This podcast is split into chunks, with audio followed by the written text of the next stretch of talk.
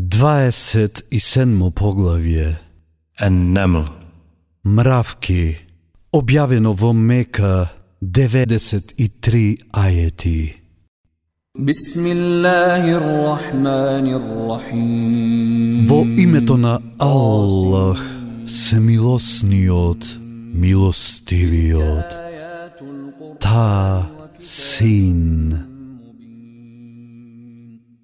Ова се ајети од Коранот и книгата Јасна, упатство и радосна вест за верниците кои намазот го извршуваат и зекат даваат и кои во оној свет цврсто веруваат. На тие што не веруваат во оној свет, ние им ги прикажуваме како убави постапките нивни, па тие талкаат, нив ги чека злобна казна, а на оној свет ќе бидат сосема изгубени, а ти на вистина го примаш Куранот од мудриот и сезнајниот. Кога Муса му рече на семејството свое, видов оган, ке ви донесам оттаму вест некаква, или ке ви донесам разгорен оган за да се загреете. Некој, кога му се приближи, го повика.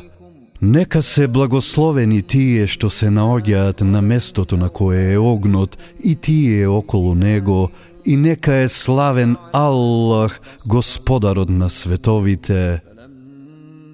О Муса, јас сум Аллах, силниот и мудриот. Фрли го својот стап. Па кога го виде дека се движи како да е брза змија, тој се оддалечи и не се врати. О Муса, не плаши се, пратениците кај мене не треба он ништо да се плашат, а на тој што грев ке направи, а потоа злото со добро дело ке го замени, на вистина ке му простам и милостив ке бидам. Стави ја раката своја во пазувите своји, ке се појави бела, но нема да биде болна, ке биде едно од деветте знаци за фараонот и за народот негов, тие се навистина народ грешен, непослушен. И кога знаците наши јасно им дојдоа, тие рекоа, ова е вистинска магија, И тие неправедни и арогантни ги негира, но во себе верува дека се вистински, па погледај како завршија интригантите. На Давуд и Сулейман знаење им дадовме и тие говореа, му благодариме на Аллах кој не одликуваше над многуте верници, робови своји. И Сулейман го наследи Давуд и рече, О, луѓе, дадено ни е да ги разбираме птичјите гласови и се што ни е дадено. Ова е на вистина вистинска благодат. И му се собраа на Сулейман војските негови, джинните, луѓето и птиците, беа собирани па водени и кога стигнаа до долината на мравките, една мравка рече О, мравки, влегувајте во живеалиштата своји, за да не ве прегази Сулейман и војските негови, а тоа и да не го забележат. И тој се насмеа гласно на зборовите неизини и рече Господару мој, вдахни ми да бидам благодарен на благодатта Твоја, која ми ја укажа мене и на родителите мои, и да правам добри дела за задоволството Твое, и внеси ме со милоста своја меѓу добрите робови своји. И тој изврши смотра на птиците, па рече, Зошто не го гледам папунецот, одсутен ли е? Ако не ми донесе разумно оправдување, со тешка казна ке го казнам или ке го заколам.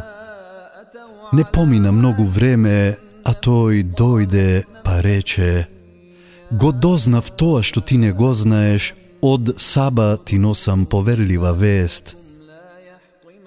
Видов една жена како владее и дека се и се што и е дадено, а има и величествен престол, видов дека таа и народот незин на сонцето му се клањаат, а не на Аллах.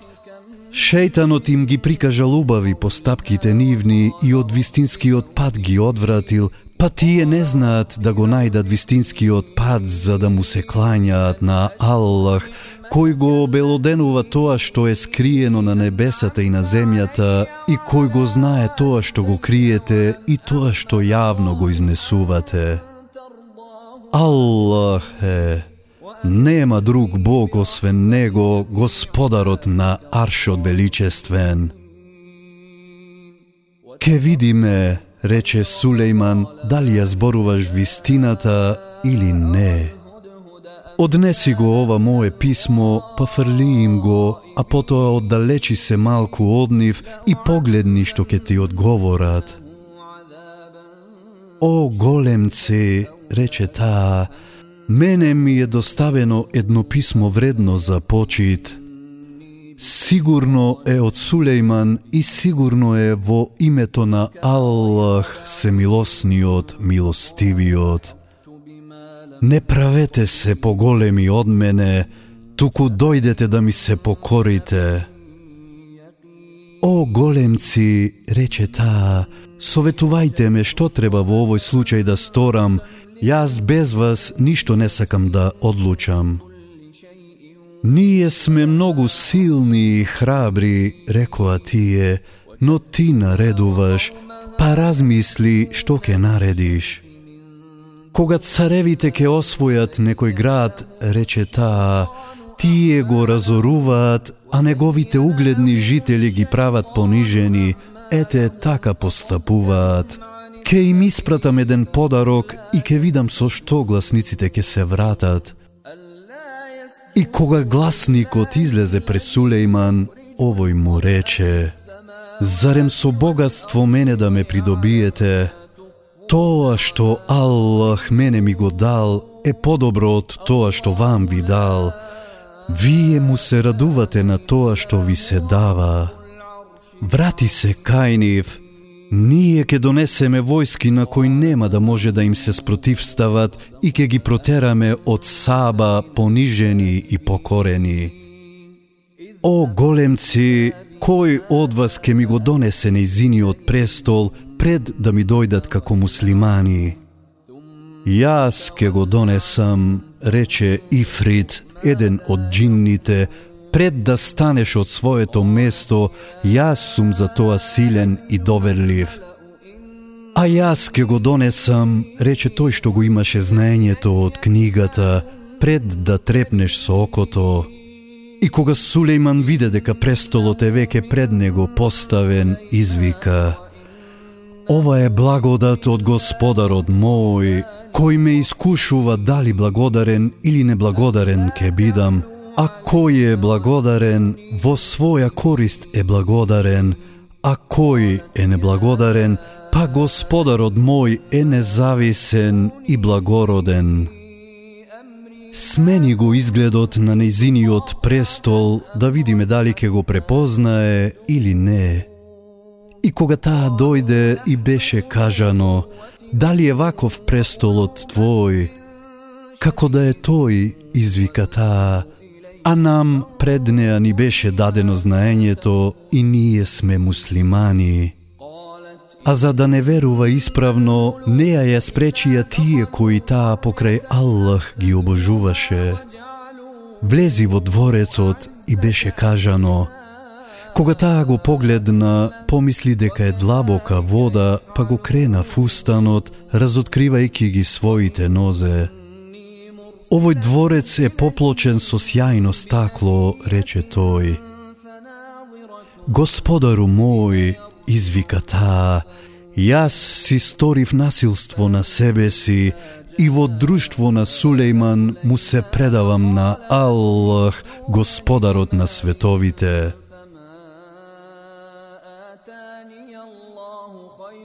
А на Семуд му го пративме братот негов Салих – Само Аллах обожувајте го, а тие се поделија во две групи кои меѓусебно се препира. О народе мој, им говореше тој, Зошто го барате злото пред доброто? Зошто не барате прошка од Аллах за да ви се укаже милоста? Ние те сметаме тебе и тие што се со тебе за кобен предзнак, рекоа тие. Вашиот кобен предзнак е кај Аллах, рече тој. Вие сте народ кој е ставен на искушение. Во градот имаше деветмина кои по земјата не ред, туку неред правеа. Заколнете се во Аллах, рекоа дека во ноќта него и семејството негово ќе го убиеме, а тогаш на неговиот најблизок крвен сродник ќе му кажеме Ние не присуствувавме на убиството на семејството негово, ние на вистина вистината ја говориме. И смислува сплетки Па и ние, но тие тоа не го чувствува, па погледни каква беше последицата на сплеткарењето нивно, ги уништивме сите и нив и народот нивен.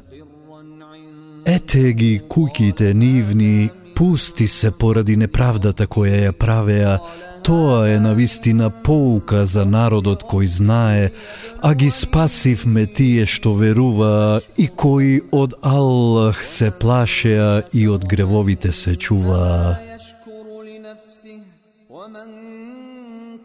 И Лут го пративме кога му рече на народот свој Зошто правите разврат јавно едни пред други?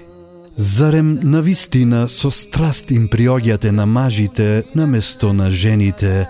Вие сте на вистина народ кој не знае. А одговорот на народот негов гласеше Избркајте го семејството на Лут од вашиот град, тие се чисти и невини луѓе.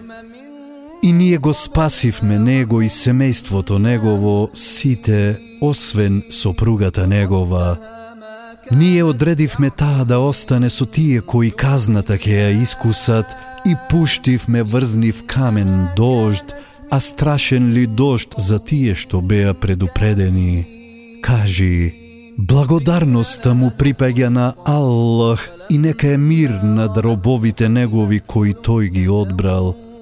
Кој е подобар, Аллах или тие кои нему му ги здружуваат? Тој кој небесата и земјата ги создаде и кој од небото ви спушта дошт, со чија помош ние даваме да позеленат градините прекрасни, невозможно е вие да направите да израснат дрвјата нивни. Зарем покрај Аллах постои друг Бог? Не постои, но тие се народ кој други со него изедначуваат. Тој кој земјата за живеалиште ја направи и низ неа реки спроведе и на неа стабилни планини постави и две мориња прегради. Зарем покрај Аллах постои друг Бог? Не постои, туку повеќето од нив не знаат. Тој кој на човекот кој е во неволја, кога ќе му се обрати, му се одзива, и кој злото го отстранува, и кој на земјата едни со други ве сменува. Зарем покрај Аллах постои друг Бог? Колку малку размислувате? Тој кој во темнините на копното и на морето патот ви го покажува и кој ветровите како радосна вест пред милоста своја ги испраќа. Зарем покрај Аллах постои друг Бог? Аллах е високо над тие кои му ги здружуваат.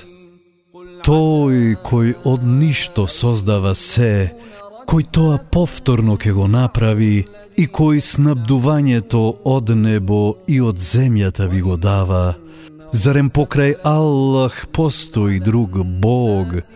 Кажи, докажете ако ја зборувате вистината. Кажи, никој освен Аллах ни на небото ни на земјата не го знае гајбот и тие не знаат кога ќе бидат оживеани. Зарем тие за оној свет знаат нешто? Ништо. Тие се сомневаат во него, тие се слепи спрема него. Неверниците велат, зарем кога ќе станеме земја и ние и предците наши, на вистина оживеани ќе бидеме. Ова уште одамна ни се ветува и нам и на предците наши, а ова се само измислици на древните народи. Кажи, патувајте по светот и видете како завршиле злосторниците. И не тагувај поради нив, и нека не ти биде тешко во душата поради сплетките нивни. Кога веќе еднаш ке се оствари тоа ветување, ако вистината ја говорите, прашуваат тие, кажи, сигурно ке ве стигне нешто од тоа што го избрзувате, а Господарот Твој е неизмерно добар кон луѓето, но повеќето од нив не се благодарни.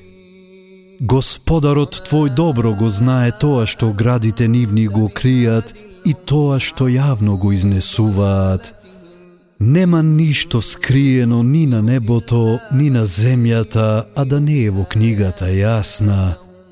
Овој Куран на синовите Израилови најмногу им кажува за тоа за што не се согласуваат и тој е на вистина упатство и милост на верниците.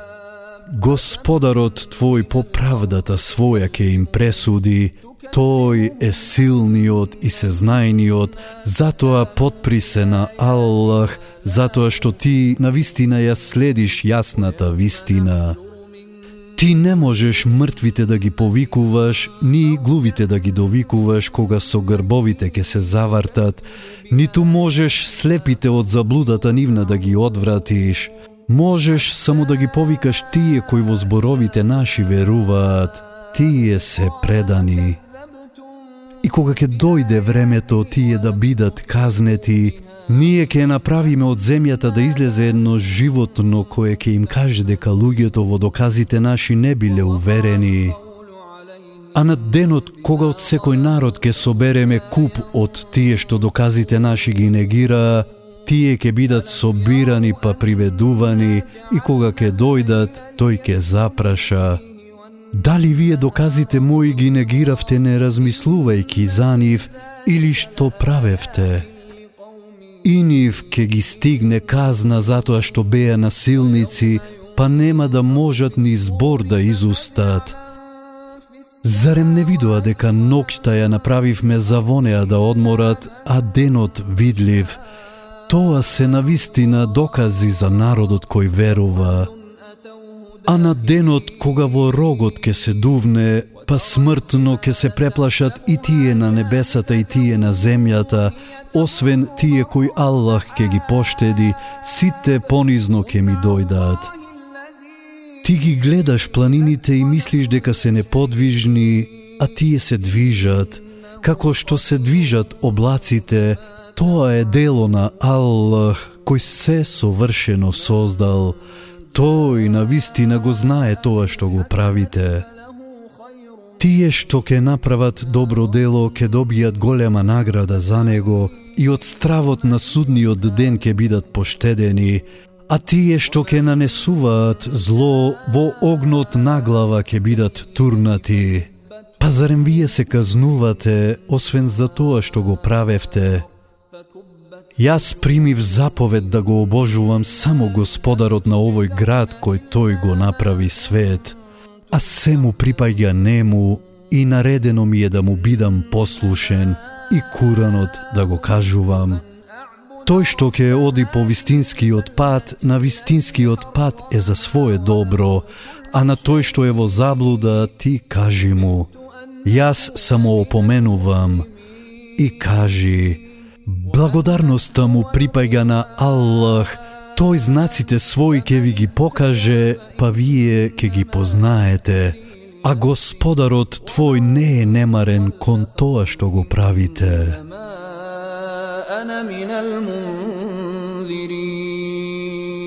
وقل الحمد لله سيريكم آياته فتعرفونها وما ربك بغافل عما تعملون